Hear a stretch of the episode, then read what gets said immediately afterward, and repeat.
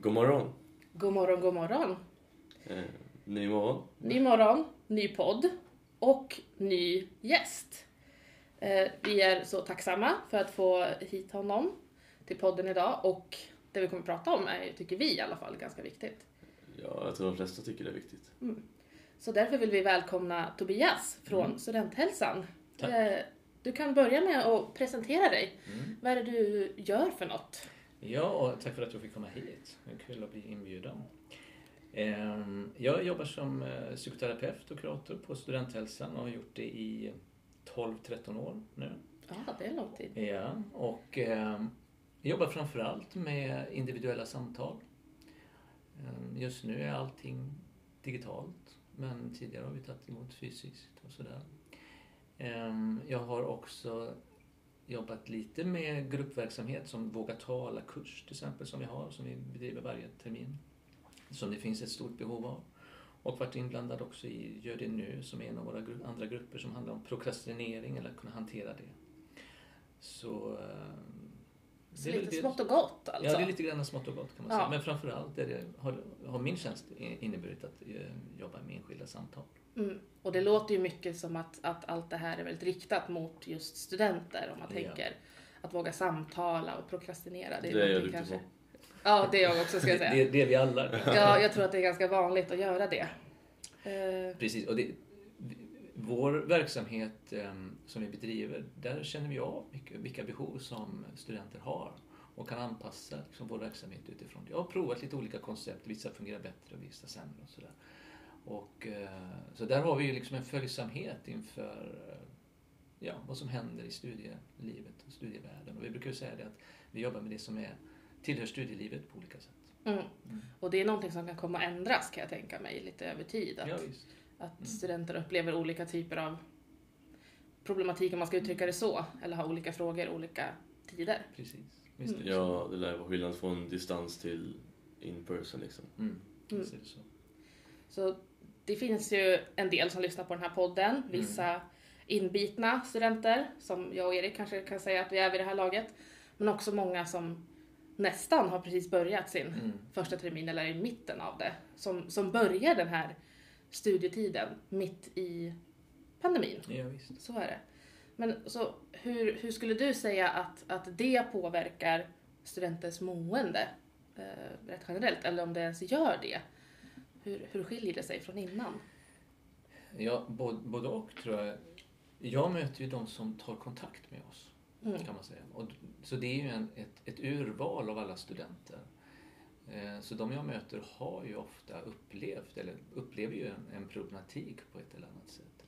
Så att det, de studenter som jag möter är inte representativa. Så jag vet inte riktigt hur, hur det ser ut generellt.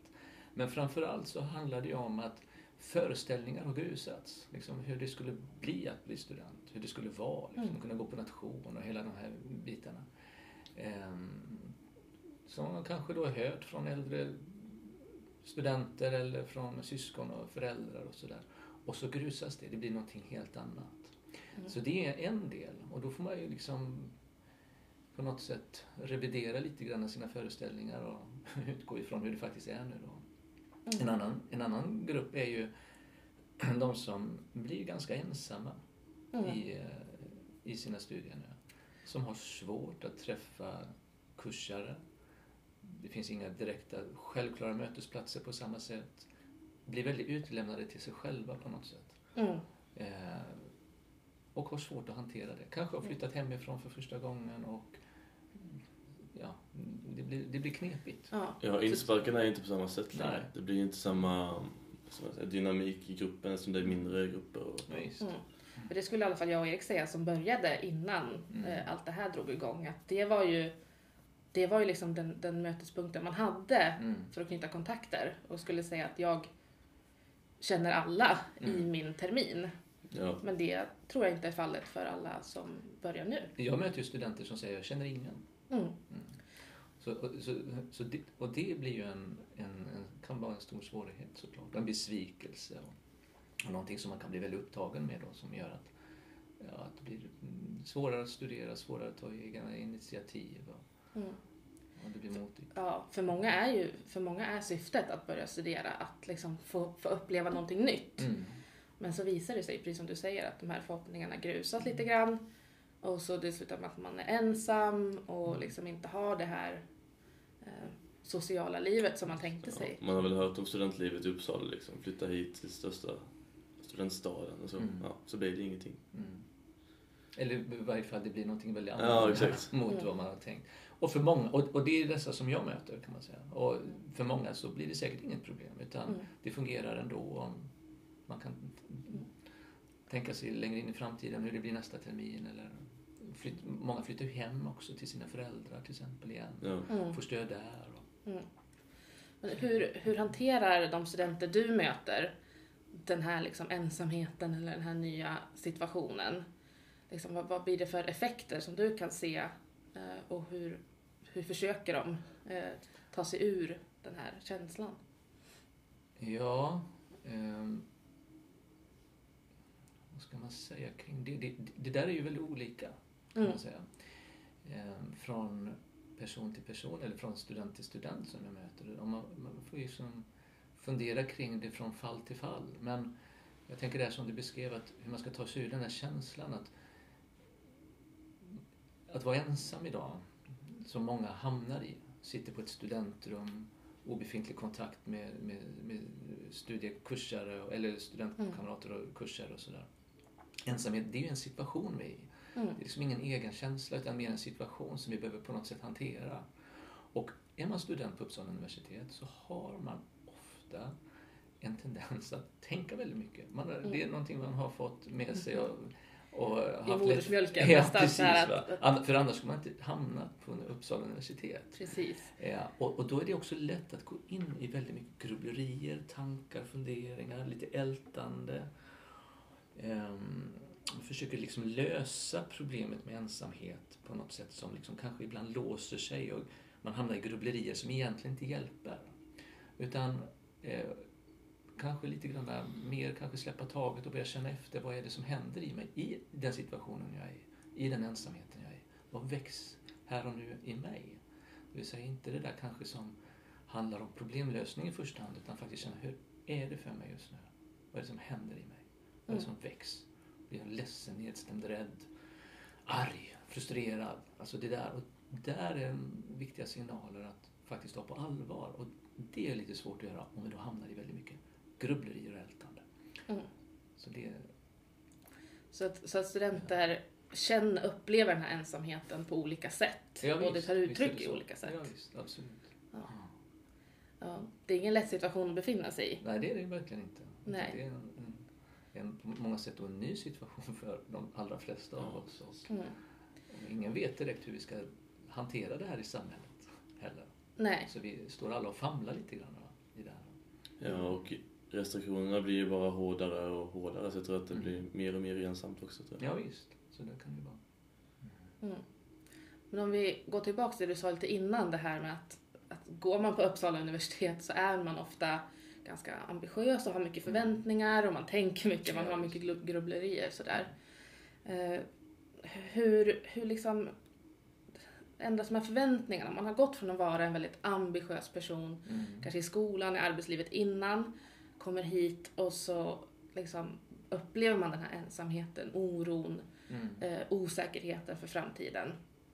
Alltså, hur hanterar man det eh, som student? Den här eh, totala krocken kanske Mm. verkligheter. Tänker du hur, vad, vad jag möter, alltså hur, hur studenter hanterar det eller tänker du hur, hur förslag på hur man kan hantera det? Ja, men både och. ja, jag, jag, för, återigen där så är, är det ju liksom ett urval av studenter som jag möter. Va?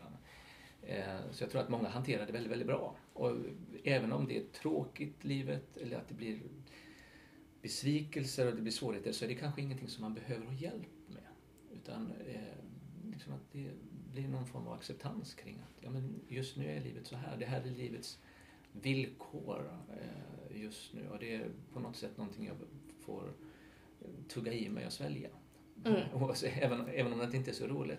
Men när det då hakar upp sig mer, när vi kanske hamnar in i mycket av ältande och liknande, d- där vi kanske också tenderar att se på hela framtiden utifrån nuläget. Det kommer alltid att vara så här, eller i varje fall i vår upplevelse kanske, även att Mm. vi liksom förstår att det inte är så. Men det blir vä- väldigt, väldigt frustrerande. Att faktiskt börja liksom loda mer och mer i sitt inre och känna efter, hur är det jag har det här? Blir, blir jag rädd till exempel när jag är eh, i den här ensamheten? Vad är det, liksom vid, fråga vidare kring i sig själv där. Men vad är det jag är rädd för då? Är det Mm. att bli ensam? Är det att jag ska bli bortglömd av mina vänner? Är det att ingen kommer att bry sig? Eller att jag kommer att tappa kontakten och sluta bry mig med? Eller att jag kommer att bli jättedåligt? Det är också en sån här rädsla. Tänk om jag blir suicidal? Liksom. Så här, det- Mm. de där rädslorna kan liksom sätta igång och dra igång i oss. Och att gå i dialog med de här och liksom börja sortera lite grann i det som händer i oss. Det är ofta läkande och, och gott. Mm. Eller blir jag väldigt ledsen? Liksom, vad är jag ledsen över? Det är inte så konstigt att vara ledsen i en sån här situation. Vad är det jag sörjer? Vad är det jag är ledsen? Mm. Så att liksom börja lyssna och vända sig till sitt eget inre och liksom börja samtala med sig själv. Och en sak jag kan tänka är ganska viktigt i det här, att komma ihåg att man inte är ensam Ja, i visst. den känslan. Mm. Det är ju otroligt många, i alla fall studenter, som bor själv eller Ja, absolut. eh, på 20 kvadrat, på 30 kvadrat. Eh, utan jag menar alltså, utan eh, liksom någon form av övrig kontakt förutom det man har med studenter. Man går inte till ett jobb, man har inte barn kanske. Mm. Många har inte en sambo eller en partner liksom, att luta på. Ja. Eh. Så, så, så är det verkligen. Och det är oerhört frustrerande om, om, när, vi lever så. Det är ju en Mm. jättestor utsatthet för många. Och där kan man ju också behöva tänka liksom lite grann kring att, eh, att hitta liksom, eh, en rytm som gör att man mår bra. Liksom. Mm. Att nu börjar det bli lite ljusare. Kanske sova med persiennerna uppdragna så jag får in ljus på morgonen. Så jag piggnar till lite grann och kommer upp och kanske tar en promenad på morgonen och får in lite ljus i ögonen. Att aktivera sig lite på det viset. Mm. Att göra någonting som jag någonstans mår bra av. Om vi mår bra av det. Mm. Eh, men ofta gör vi det. Att söka engagemang liksom, i kårer, i den här föreningen eller i andra, i nationer. Eh, universitetskyrkan till exempel har vi verksamhet och vi har också kursverksamhet och hos oss på Studenthälsan så surfa gärna in på vår hemsida och titta vad, vad, vad vi erbjuder. Att liksom aktivera sig, kanske ta eget initiativ för att starta någon sån Zoom-fika eller med Mm. kursare eller bjuda in till någon promenad under de, under de rimliga eh, vad ska vi säga, eh, restriktioner som finns och sådär. Hålla Ja. fast vid träning till exempel. Och en sak som jag tänker på som, som kan vara viktig, som, som man kanske inte i första hand tänker på, att se upp med distraktioner. Så I- krokrastinering alltså ja, precis. Ja, det, det är ju en form av pro, eh, distraktion kan man säga. Att, det vill säga att i de här frustrerande, tråkiga situationerna, krissituationerna som vi befinner oss i, och inte minst då som många studenter befinner sig i, där är det lätt att börja då istället distrahera sig. Vi hamnar framför liksom serie efter serie på eh, Netflix, vi tittar på massa YouTube-klipp och hela den här biten. Det hör till livet att göra det. Va? Men när det där blir ett mönster i livet som gör att vi distraherar oss från hur vi faktiskt har det, då går lätt någonting i baklås. Och det är det där liksom, att börja mer gå i dialog med sig själv. Vad är det som, hur, jag, hur jag egentligen har det, vad är det för känslor jag befinner mig i och hur ser mina svårigheter ut? För där tar vi steg att kunna börja hantera det på ett mer meningsfullt sätt. Gud vad intressant. Ja, Verkligen. För du och jag Erik, vi är mästare på att prokrastinera. det, vissa har gruppnummer så att dålig, dålig kombo. Så det, här att, kombo. det här att distrahera sig från Ja. kanske vad man, vad man behöver göra eller Mm. liksom för att det, omständigheterna kring det är så otroligt tråkiga. Nu Ja. måste jag sätta mig och göra den här uppgiften själv. Ja. Jag kan inte gå till campus och sitta Ja, med en kompis. Jag kan inte gå till ett fik. Mm. Jag kan inte sitta sådär i min grupp som jag Mm. kanske vill och göra det här. Och då blir allting så mycket svårare. Visst, det blir jättemycket svårare. Och där blir det så lätt på något sätt att gå in i att börja distrahera sig, prokrastinera något liknande. Det vill säga att undvika det där svåra. Och det är inte så konstigt. Det är klart att vi gör det. Problemet är bara att det hjälper oss inte. Mm. Nej. Så jag tror att många tänkte snart det här är över, pandemin är över, det, det är inte bara flyga liksom, det är över snart. Och då Mm. fastnar man i den loopen att snart är det över och man väntar ute liksom. Och då Ja, blir man inte hemma ändå liksom. precis. Och, och för, för en del så funkar ju det. Och Ja. det liksom går att kompensera och det går bra och liksom livet rullar vidare. Men för en del, och säkert många som jag möter då, kommer efter en, två, tre tentor eller hemtentor och, och, och det blir svårare att ta igen och kanske faller ur studierna. Mm. Det möter jag en hel del. Mm. Eller där det blir så otänkbart att liksom börja ta igen det som jag haft svårt att hantera nu samtidigt som jag får nya kurser. Men jag vill också lyf- lyfta fram det här att det här är ju många som hamnar i det här. Men jag möter ju också, jag träffade en student härom, härom veckan som sa att jag har klarat mina studier tack vare att det är på distans. Mm. Mm. Så, så att det, det är både och. Va? Det, Ja. det är inte bara eh, svårigheter utan för vissa blir det också möjligheter och en vinst i det här. Ja, precis. Jag själv uppskattar jättemycket hemtentorna. Ja, precis. Mycket härligare. Ja. Så. Ja. Men hemföreläsningarna är ju mycket tråkigare. Mm, Men- visst är det så. Ja. Så det är ju det, det jag kände mest att jag saknade i början, det är det här liksom interpersonella. Att här bara eh, ses på föreläsningar och ta en Mm. kopp kaffe i pausen. Mm. Sådana här små saker som man liksom nästan glömmer bort Mm. hur viktigt det är för ens, ens mående. Eh, så. Men sen så, precis som du säger, och Erik menar att det finns ju andra fördelar som att Mm. okej, men nu kan jag sätta mig och liksom mer gå in i mig själv när jag kanske ska skriva tenta och Mm. verkligen förnula på eget håll Ja, vad det man är bra på. Sådär. Och, och det där som du lyfter upp där, det, det, det möter jag en hel del, många som uttrycker just det där att, de där, att, att kunna bolla små tankar. Liksom bara att realitetsanpassa, vad är det vad, vad är lämpligt att jag pluggar? Liksom? Hur, hur mycket ska jag plugga? Eller har jag förstått det här rätt? Eller eh, de här små mellanmänskliga delarna som vi studenter liksom gör naturligt vid kaffepausen eller liknande. De delarna går vi miste om nu. Och då hänvisas vi till oss själva och våra egna katastroftankar mer va? kring eh, våra rädslor. Då, och, så många kanske drar iväg och börjar överplugga och vissa underpluggar. Och liksom, det blir lite rörigt. Liksom. Mm.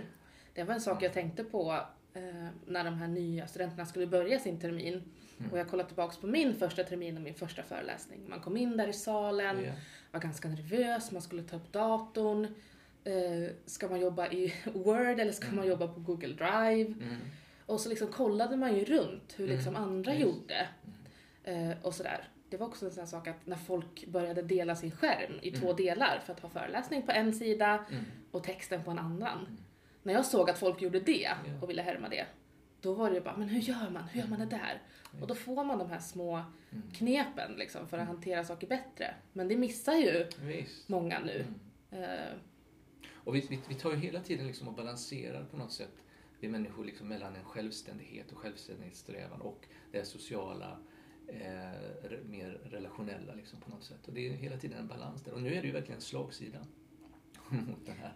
precis, alltså det är som att Ja. hela världen liksom är upp och nervänd Ja. och det är nästan som att man glömmer bort de här små Precis. detaljerna, även fast de är viktiga. Och, och där, där tror jag nog att det är jättebra liksom att, att hitta då de här alternativen, till exempel då via Zoom ja, jag vet inte riktigt vilka andra alternativ som skulle vara möjliga nu, men det kanske kan komma. Det där är liksom. nästan bara de. Ja. Ja. det är jättesvårt. Va? Men, eh, ja, jag vet inte. Men, men att faktiskt vara uppmärksam på det här. För det är många som sitter och, och studenter som sitter hemma och försöker grunna på det där själv. Och, och det, blir, det blir väldigt utlämnande och svårt för många. Va? Så att, Mm.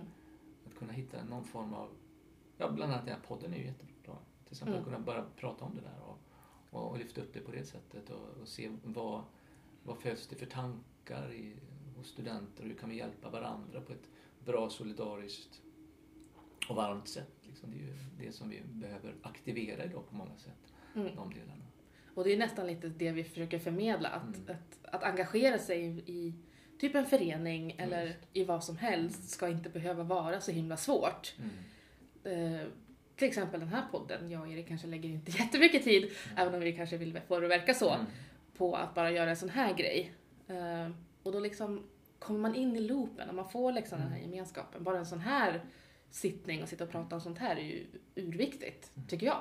Ja, precis. Men sen så är det också, vill man engagera sig i någonting och det kan vara fullt med post- poster på Dynamikus, det är bara att gå till en nation och säga jag vill jobba ikväll så finns det så troligtvis jobb den kvällen. Det, är inte, Mm. Mm. det finns ju alltid ja, sätt att engagera sig i Uppsala liksom. Mm. Mm. Så att äldrekurser är inte farliga, eh, är kanske en känsla jag vill förmedla till de som är nya och kanske inte superutåtriktade Mm. så. Eh, att en förening är inte farlig utan eh, man kan hoppa i och ur lite hur man Mm. vill eh, och sådär. Mm. Det är jätteviktigt att förmedla det. Mm. Eh, för det är också att man kan känna de här väggarna, speciellt nu när man inte har de här naturliga mötena med de som Mm. sitter i utskotten eller eh, de som är på styrelsen eh, där. Eh, på väggen, nu satt jag och pekade på en tavla Mm. precis för hela visst. styrelsen som har en liten en bildsamling där när de ses på Zoom. Att, att det är inte så farligt utan bara släng iväg ett mail. Det är eh, så trevliga människor. Mm. Vi alla är liksom likadana Mm. så. Så det finns ju de som är, går kurser under mig, som är äldre än mig. Mm. Men ändå liksom kanske man känner att oj nej men Maja hon, går, hon har läst två år nu liksom. Och så blir man lite ställd sådär. Ja, du byts inte. Jag vet inte, bara Inte- ibland. Inte hårt det, är bra att veta, det är bra att veta. Ja, inte, inte så hårt. Ja. Men vad skulle du säga om man, om man upplever de här sakerna eller har svårigheter just i de här liksom, hantera de här känslorna eller situationerna som man är i. Mm. Vad är det man ska göra för att komma ur? Är det liksom att bryta det här eh, prokrastinerandet och försöka skapa rutiner? Eller Ja, man kanske inte behöver ha så eh, vad ska vi säga, bråttom ur känslorna Mm. heller. Utan kanske för, för, för våra känslor, även att de är svåra så är de inte våra fiender. Liksom, utan det är en del av oss. Så har vi för, för bråttom från hur vi har det så blir vi liksom flyktingar från oss själva till slut. Och då kommer de att jaga oss istället och då blir det oro och ångest på ett annat sätt. Va? Utan kanske mer faktiskt befinna sig där man är. Ta emot det där och göra känslorna mer förståeliga och känna och eh, bli mer, ja det låter lite klyschigt kanske, men liksom bli mer vän med dem på något sätt. Va? För det är ju att liksom Mm. integrera någonting i sig själv som inte kan fly eller distrahera oss från i långa loppet ändå. Utan vi behöver liksom integrera och förstå mer av, ja det är inte så konstigt att jag känner så här. Ett, ett Mm. tips där som kan- kan vara ganska bra som jag tror eh, som många stu- studenter redan gör i någon bemärkelse. Men det är till exempel att ha, att, eh, ha som, en, eh, ja, som en bok att skriva, alltså skriva av sig lite grann. Mm. Så att man tar mycket av sina tankar och liksom sätter ord på känslor som man har och ganska osensurerat och, och, och fritt bara skriver av sig. Så att man får eh, knyta ihop tankar och känslor med varandra. Och sen också gärna liksom läsa upp det där högt för sig själv. Mm. Så att, så att man hör och ser, hur är det jag har det? Och då föds nya tankar och känslor. Då, då blir det liksom en, en process av någonting som kan hjälpa till att låsa upp och skapa ett flöde i vårt inre.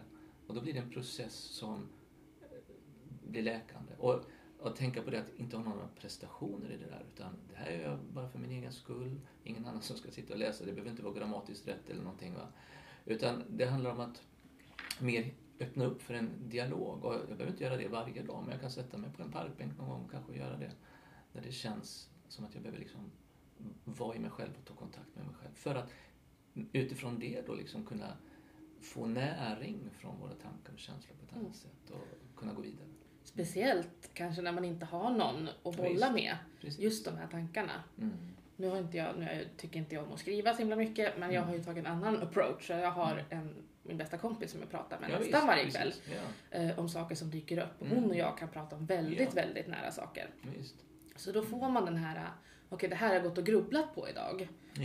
Kan du bolla med mig lite grann om det här? Och så får man ur sig och så vrider man och vänder på saker och sen Mm. får man lite rätsida på det där till ja slut. exakt. Det är ju så vi människor funkar. Ja, det är så bra. Va? ja, vad bra att jag har lite knep för mig som verkar funka. Ja, men det, det är jättebra liksom, och jätteviktigt. Va? Det är ju så vi, vi människor liksom fungerar och ska fungera. Liksom. Men när, det då, när vi inte har någon vän till exempel, eller när, när saker som blir för svåra att dela eller något liknande, där kan vi liksom skriva av oss. Eller i varje fall göra det lite nästan på rutin ibland. bara. Så att vi liksom skapar en liten pyspunka på den frustration och de svårigheter som vi sitter med. Liksom, så att vi får pysa lite grann varje dag. Så Mm. slipper det kanske bli så starkt till slut. Att man lägger liksom lite samma vikt på sin mentala hälsa som man lägger kanske på att borsta tänderna. Liksom. Ja. Att man tar det som en punkt på kvällen. Ja, att nu ska jag borsta tänderna och sen så ska jag skriva en bok. Ja, precis. Ja, nu- så. Ja, exakt. Och, och gärna lite tidigare, innan man borstar tänderna. Okej, För annars ja. är det lätt att man liksom snurrar in i massa såna här eh, tankar och liksom grubblerier på somnar du natten. aldrig. Nej, då somnar aldrig. Utan gärna in, innan, liksom, tidigare på kvällen så att man liksom laddar ur lite grann. Och sen borstar tänderna och går och lägger sig. I så Okej. fall. Mm. Bara att vi sover så sent. Ja, Ja, alldeles för sent. ja. Men jag och Erik är ju, vi är liksom två sidor av olika mynt. Mm. Jag är ju en som sover väldigt mycket och tycker det är ganska trevligt. Och jag bara, sova är det bästa som finns. Medan sover du knappt. sover knappt. Ja. Alltså, hur, hur spelar sömn liksom roll i det här? Alltså, för jag känner att jag kan ju sova hur mycket som helst nu när Ja. liksom, jag inte har något inbokat egentligen. Mm. Så förut spelade föreläsningar, sov. Eh, så. Så, Jag vaknar åtta av mig själv senast varje dag. Det är, Ja. så, så hur, hur viktigt är det att ha liksom dem, nu vet vi väl att sömn är viktigt, men Ja. hur viktigt är det att, att liksom försöka hålla i den även fast man inte har kanske ett jobb till att gå till klockan åtta Mm. varje morgon.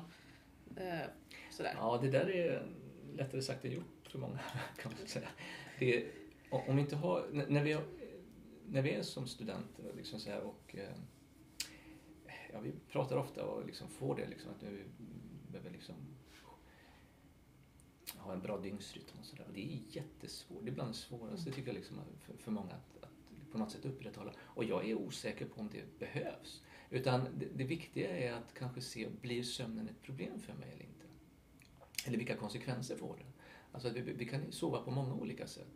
Och traditionellt sett, så tidigare i Sverige, så sov man liksom två gånger eh, liksom på natten och så var man uppe och jobbade ett par timmar på, på natten och så gick man och la sig igen till exempel och så i bondesamhället och så här. Så det, och, och siesta finns i olika länder och så här. Så att man kan eh, se det på lite olika sätt. Men det viktiga är att, att sömnen inte ska bli ett problem. För att som student så, så är sömnen väldigt central. Mm. Det har med minnesinlagring att göra, bland annat. Och känslobearbetning. Vi bearbetar våra känslor eh, under sömnen. Eh, I, i, I olika drömmar. Och eh, minnesinlagringen sker i den djupa sömnen.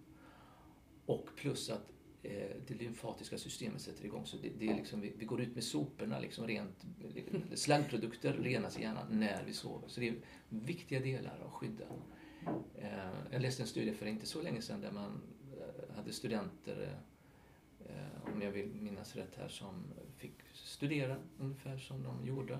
Och en grupp fick eh, sova två timmar extra. Och den andra gruppen fick stu- studera två timmar extra. Och då var det den gruppen som hade sovit två timmar extra som klarade sig bättre. Mm. Just för att in, minnesinlagringen blir bättre. Så att den är väldigt central, men vi har olika sömnbehov och eh, vi, vi trivs med olika sömn... Eh, vad ska jag säga? Eh, Stilar, Stilar, kan man som jag och Erik skulle Ja, kanske ja. milt uttrycka det. så, så, sov, bara vi skyddar vår sömn på ett eller annat sätt så vi inte blir undersövda. Det är Mm. väldigt viktigt. Oj, förlåt. Eh, Så vi inte blir undersövda. man tar ju igen det någon gång, tänker jag ju. Ja. Men jag tror att man kan inte ta igen sömn, tror jag. Ja. Det är jag liksom helt övertygad om. Mm. Att så här, sömnen, liksom, det går inte att sova lite och sen tar man igen det dagen efter. Nej, inte, inte på det sättet. Eller, om vi sover, säger man ibland, vi sover ikapp på, på helger och så här. Det, visst, men då, då, sover vi, inte- då får vi inte den minnesinlagringen som vi hade då, på måndagen till exempel. Mm. Så här, utan vi kan ju sova så att vi blir pig, piggare liksom, men vi kan inte ta igen den gamla sömnen på det sättet. Men, ehm, så att vi, man behöver fundera kring det. Och det ser ju jätteolika ut. Själv när jag var student så jag somnade aldrig för tre, halv fyra och gick upp vid tio någon gång. Och trivdes alldeles utmärkt med det. Mm. Och sen, ja men nu när det inte var pandemitider, då var det väl så också att man liksom var uppe senare Ja. och liksom, man flängde hit och dit till kompisar, lite på nationer och sådär. Nattklubben. Eh, Så sovmönstret har väl kanske aldrig varit helt hundra för Nej. någon, även då också. Ja, precis. Utan, utan huvudsaken är liksom ställa sig de frågorna. Liksom, på vilket sätt blir det ett problem för mig? Och hur behöver jag skydda min sömn? Mm. För li- ligger till exempel ältar mycket på natten, jag kan inte sova på tre timmar till exempel. Eller jag ligger och bara kollar på YouTube-klipp eller något liknande. Där jag egentligen borde somna och faktiskt skulle vilja och känner att jag skulle behöva sova. Men det blir svårt. Där ställer det till sig liksom. Mm. Och, och, och, så där, och det kan man få hjälp med på Studenthälsan till exempel. Så ta kontakt med oss. Finns det några bra sömntips? Eh, Man har ju den här räkna får. Jag somnar ju på en minut så jag har inte... Jag tänker, jag tänker Du sa, precis att, du sa precis att du inte sover och så säger du att du somnar på en minut. Ja, precis. När jag väl lägger mig för att sova då är det så snabbt. hur, Ja. hur gör du då? Sluta ögonen, sen är jag, sen är jag där. Det låter bra. Ja. Um, sömntips. Eh, ehm, jag tänker så här, att man kan inte vilja sova. Utan sömnen kommer till oss när vi liksom släpper, släpper fram den. Och eh, sömnen styrs på det sättet liksom av eh, dels liksom det sömntryck vi har, det vill säga hur, hur trötta vi är. Eller inte rättare sagt hur trötta vi är, för vi kan vara trötta på, av massa olika anledningar. Utan det styrs av hur sömniga vi är. Sömntrycket, liksom hur, eh, den är liksom, där vi känner att nu kan vi somna när som helst. Det börjar liksom slå i ögonen och så. Och sen styrs det av den inre aktiviteten. Hur, hur stor är vår inre aktivitet? Ligger jag liksom och snurrar i massa tankar och oro till exempel? Eller slår hjärtat och dunkar och, och, och jag liksom är orolig över någonting till exempel. Och det styrs också lite grann av vilken tid, alltså vilken biologisk klocka vi har. Och vi, vi är lite olika där. Liksom. Vissa är kvällsmänniskor, vissa är morgonmänniskor och, och, och sådär. Om man, om man har då en tentavecka Ja. och massa tankar snurrar, Ja. är det oftast svårare att sova då? Ja, Om man är så. Ja. Och för, men, men vissa somnar, somnar av det. Somnar Mm. bort från den stressen istället. Mm. Som jag Så, ja, så det, det, kan, det kan vara lite olika där. Va? Men, ehm, men, men vissa tips där då till exempel kan vara ehm, att, att ehm, vad ska jag säga? Ehm, att inte göra så mycket annat i sängen än att sova. Om, om det är ett problem för oss med sömnen. Annars spelar det inte så stor roll. Va? Men det vill säga att man inte ligger och läser och studerar liksom i, i sängen till exempel. Utan att man liksom har det lite snyggt bäddat och sådär. Och när vi blir sömniga, då går vi och lägger oss. Inte Mm. heller så mycket tidigare. Och eh, behöver vi lägga oss tidigare, vi känner att vi behöver mer sömn, då kalibrerar vi det genom att försöka gå upp tidigare på morgonen. Så att vi bygger upp en sömntryck. För att, att gå och lägga sig utan att vara sömniga, då ligger vi bara liksom kvar i sängen och utan att sova. Utan att behöva gå upp tidigare i så fall, att vi kalibrerar det den vägen. Och det är ju lättare sagt än gjort när vi är studenter och inte kanske behöver gå upp tidigare. Får man ta hjälp av varandra. Får vi ha någon, någon, ringa varandra tills Får man be kommer upp. Erik ringa mig Ja, jag går upp exakt. klockan får- åtta varje morgon. Ja, han ringa mig? ja. Nu är det dags att gå upp. Ja, exakt. Då ringer Erik kan Ja. man säga. Jag löser det. Ja. Så får du se till också att hon inte går och lägger sig igen. Utan, Då blir jag bara arg ja, ja, precis. Gå ut en promenad där så du är med henne på telefon. Liksom. Lite grann den, den delen. Och sen om vi hamnar i mycket tankar och liknande. Eh, att lägga uppmärksamheten i kroppen. Det vill säga så långt bort från huvudet som möjligt. Att börja känna efter. Hur känns det i fötterna nu när jag ligger här och ska sova? Liksom bara lägga vår uppmärksamhet där. Fotsula, hälarna. Liksom att, hur känns lakanet mot fötterna? Att börja bara uppmärksamma det där lite grann. Det, här, det är ju mitt Ja. bästa sömntips. Ja. Precis. Jag håller på ganska mycket med meditering och Ja. alltså mindfulness och kroppsskanning och allt det där. Och man har hört de termerna och de begreppen. Ja. För det, det liksom sätter ens kropp Mm. i ett annat sinnes... Man liksom nästan inte tvingar sig utan man, man bara väljer att fokusera på annat än det som Ja. oroar en. Mm. Och när man har gjort det ett tag så blir man väldigt sömnig och väldigt trött och avslappnad. Precis. Mm. Eh, Så, så har man svårt att sova så gör det Ja, skulle jag säga. För då, då släpper du in sömnen på ett annat sätt. Mm. Men lägger vi uppmärksamhet, för uppmärksamhet är ju någonting annat än våra tankar. Så lägger vi uppmärksamheten på våra tankar och liksom vad vi grubblar kring och sådär. Eh, då tenderar det att öka vår aktivitet hela tiden och det blir svårare att somna. Och så ofta hamnar vi ju i liksom så här tankar att nu måste jag sova. Nu, nu måste jag sova. Så blir vi koncentrerade. Nu, nu måste jag sova. Och, och, och, och då är det ett säkert recept för att inte somna. Utan om vi hamnar där, utan mer precis som du beskriver där, lägga vår uppmärksamhet i fötterna. Alltså gå igenom kroppen lite grann. Hur känns vaderna? Liksom. Och Oavsett hur det känns, att bara liksom lägga märke till det. Kanske pirrar det lite någonstans och kanske det känns lite kallt eller varmt, tungt eller lätt. Bara liksom känna efter lite grann och gå igenom kroppen ett par gånger sådär. Ofta så vaggas vi in i sömnen på ett sätt. Mm. Men det kan vara svårt, det är inte så lätt för tankarna är bra på att De är bra på att dyka upp igen. Ja, de, exakt. Va? Så att där behöver vi vara liksom, vara Mm. lite självsnälla. Då brukar jag, liksom, jag brukar visualisera tankarna då som på ett Ja. moln. Ja, visst. Och så liksom blåser jag iväg den. Väldigt Mm. försiktigt och snällt sådär. Nu kom Visst. du in men jag vill inte ha det här. Precis. Så då bara liksom flyter de iväg lite sådär. Så går jag tillbaks till vad Ja. Du vet när det blåser ut på natten och så blir det läggas. Och liksom folk som är hemma hos mig sitter och, Ja. sitter och blåser. Då vet ni vad jag gör.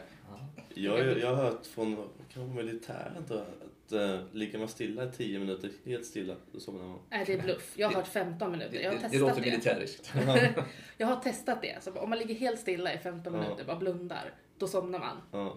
Alltså en och en halv timme senare hade jag inte somnat. Nej. Så att då blir, hamnar man precis som du säger det här, att man ska nu ska jag sova, nu ska jag sova, nu ska jag sova. Om 15 minuter somnar jag. Mm. Och så gör man inte det. Nej, det, det, det beror nog på vad som händer i en när man ligger där. Ja. Men, men blir man väldigt, väldigt koncentrerad på att ligga still och blunda då kanske uppmärksamheten går väldigt mycket dit Mm. istället och då, ja, jag vet inte, då kanske det händer någonting. Men jag har inte provat själv. Nej. Sen så där med att räkna får. Jag har hört att man ska måla upp alla bokstäver i alfabetet med, en- med en, sån här vit whiteboard. Skriva A, sen måste det ut igen. Lite i Ja. tanken. Sen ska man, Ja, det har jag hört funkar jävligt bra. ja. Mm. Jag får testa den. Ja. Det är ny. Ja. Det är ny. Jag har liksom testat alla metoder nästan, Okej. men den där har jag inte hört. Börja med bak- 100 och så gå baklänges Ja. ner till noll kanske. Där med. Precis. Ja, Mm. Ja. Så Okej. när man ska operera till exempel, om de blir ombedda räkna ner med liksom hopp av sju. De gjorde det för mig en gång och jag är urusel på matte. Så att liksom, jag kunde ju inte räkna ner från 100 med, liksom, med sju. Så bara 100, 93, eh, 93 minus 7 liksom. Då, Mm. då spelade det ingen roll då, hur liksom pigg eller trött Ja. jag var. Då var det bara... Ja, man, be- man behöver hitta sitt eget sätt liksom, som, som gör det möjligt att, att kunna eh, vad ska jag säga, varva, varva ner på ett gott sätt. Och gärna då, jag tänker på det här med liksom lite det här, att skriva av sig till exempel, eller bolla med en vän till exempel, eller bolla med sig själv. Och, eh, hitta liksom, till exempel det här att lägga uppmärksamheten på kroppen eller i siffrorna där, eller andas ut tankarna, så där kan man göra på massa olika sätt. Och gärna göra det liksom tidigare under dagen också, ta kontakt med det där som oroar så att man får bearbeta lite grann det under dagen. Gärna när man är som piggast då liksom. Så här, för att håller man undan det då, då dyker det där upp under natten när vi ska släppa av och vi ska regredera lite grann och släppa kontra- kontrollen över dagen och liksom börja få vila. Då dyker det där upp som vi trycker undan under dagen. Så därför är det bra liksom att någonstans ha varit i kontakt med det under dagen istället. Mm.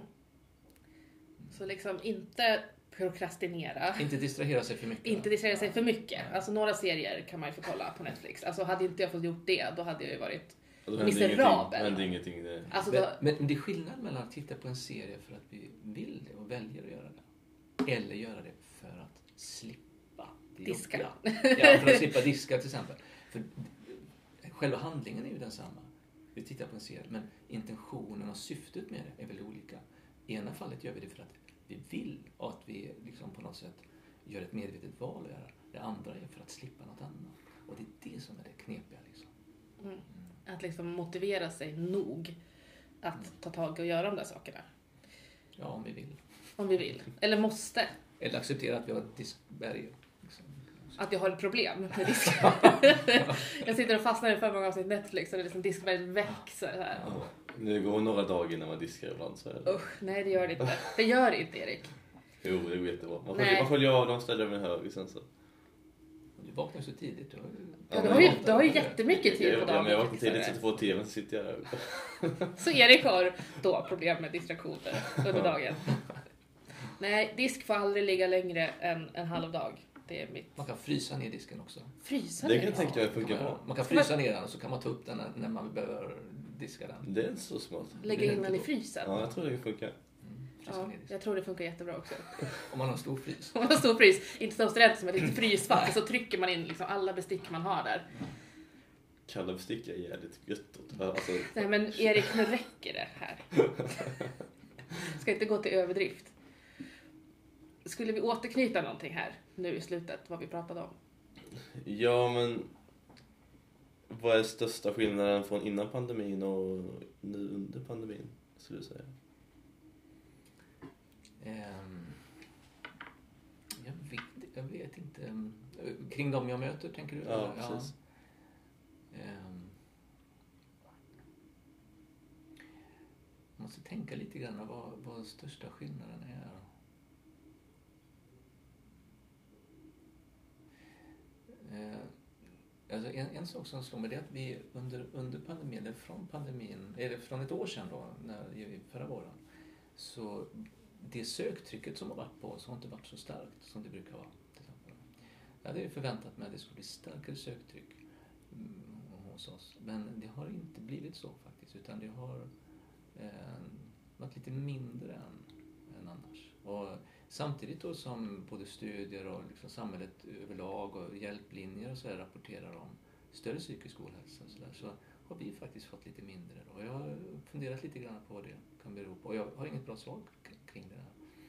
Kan det vara att Men folk det- upplever liksom ett större problem eller så att man kanske letar sig till Ja, psykologer, att det går så långt att man kontaktar självmordslinjer eller vad det nu kan vara. Att man, inte, man tar inte det här första steget som kanske var lite mer enklare att göra innan pandemin. Så kan det vara kanske. Eller tänker man kanske att alla har samma problem just nu och så söker man inte. Så söker man inte. Jag, jag tror att många också blir väldigt upptagna liksom, att, med lö, att lösa sin situation här och nu. Att liksom på något sätt behöver hantera, ja, hur ska jag göra nu liksom, med studien? Ska jag flytta hem eller till mamma och pappa eller ska jag bo kvar i mitt studentrum? Alltså, det går in som ett litet överlevnadsmod på något sätt och då Mm. sätter vi kanske parentes som att söka hjälp för ja, studiestressen just nu, eller något liknande. Vil- Vilket gö- görs kanske i andra terminer då, eh, lättare då. Och, och eh, att någonting annat hamnar i fokus. Sen kan jag tänka mig att, att vi kommer få en ganska stor eller jag vill också säga det att just nu så börjar vårt söktryck öka igen. Så att Mm. det kanske blir som en liten rekyleffekt. Kan man Mm. säga, va? Att det, det börjar hända någonting nu. Det finns en stor, stor trötthet över hur läget är. Mm. Och sådär, va? För jag tänker att studenter är just en grupp som jag kan tycka har glömt bort, glömts bort lite Mm. i pandemin. För att, ja, det, nu ska vi inte liksom glömma bort de äldre och hur allvarligt läget är för dem. Men studenter är ju den grupp som kanske har det sämst ekonomiskt, Mm. eh, har mycket, liksom, ja, men bor ensam, bor litet, eh, ingen fast inkomst, eh, sådär. Eller man har ju CSN Mm. och sådär men eh, oro för vad man ska få jobb och sådär. Och det Mm. kanske kommer ikapp, att man känner att det har eh, sådär, att ensamheten kommer ikapp och oron kommer ikapp och sådär. Mm. Ja, visst. Vi får vänta och se. Vi får vänta och se. Ja. Det blir spännande. Mm. Vi har ju ett år kvar på våra studier. Ja.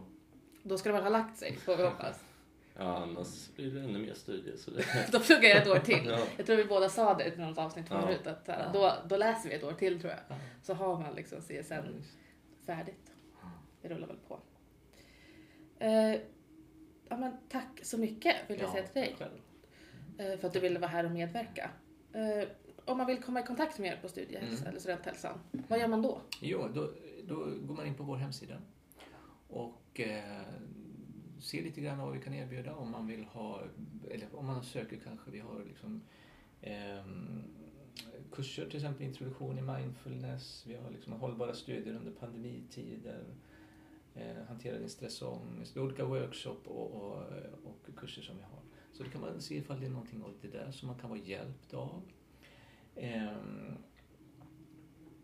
Annars är man välkommen liksom att boka en tid hos någon av oss behandlare. Eh, och eh, då kan man ringa vår eh, telefon... Eh, vad säger man? Vår telefontid. Mm. och det har vi varje dag mellan eh, kvart ett till två. Och så Drop på- in liksom. Ja, precis. Och på måndagar har vi eh, också en extra tid på eftermiddagen.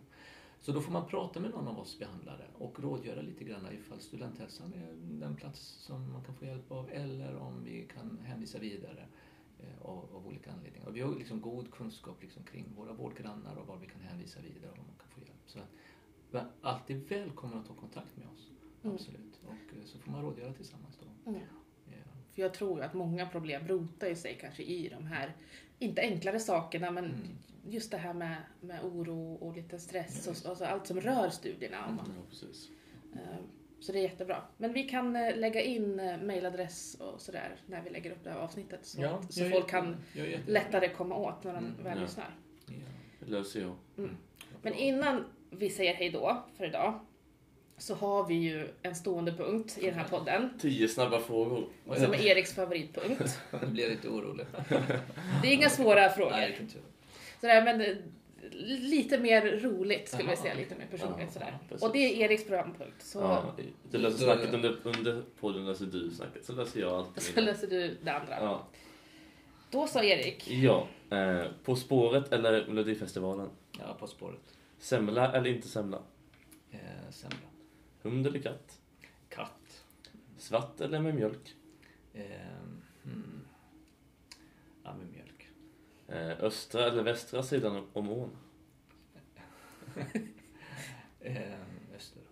Eh, smsa eller ringa? Sms. Cola eller Pepsi? Cola. Eh, brunch eller lunch? Eh, Sött eller surt? Hemmakväll eller utekväll? Hemmakväll. Snyggt. Ja. Men min fråga, följdfråga är dock, har du smakat den nya Coca-Cola Zero? Den med svart etikett? Ja. Eh, ja. Den är inte alls god. Jo, Ja, ja, det är den. Jag. Du tycker att det var ett riktigt påhopp här. Ja, jag känner att de gick ner sig rejält med gjorde de inte? Pepsi Max blev det ju direkt efteråt. Det är så här, nu är cola slut. Eh, Nej, jag kan inte bojkotta dem för det. Jo, Nej, det tycker jag inte. Men eh, tack så mycket för att du ville vara med återigen. Tack för att jag fick Eh, Så hoppas vi att alla mår bra och är friska. Och mår du inte bra så hör av dig till. Ja. Tack, tack. Tack, tack. Ja, tack.